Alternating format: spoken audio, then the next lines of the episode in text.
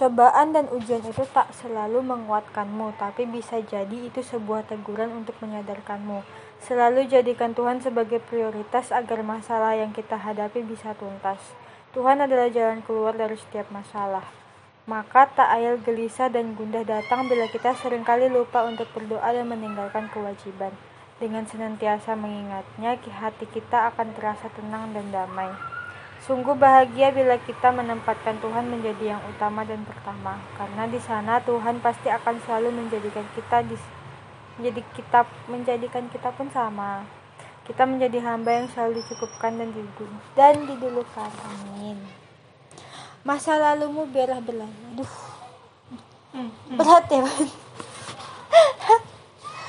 Tapi kalau masa lalu belum selesai, akan terbawa sampai nanti-nanti. Makanya harus diselesaikan dulu.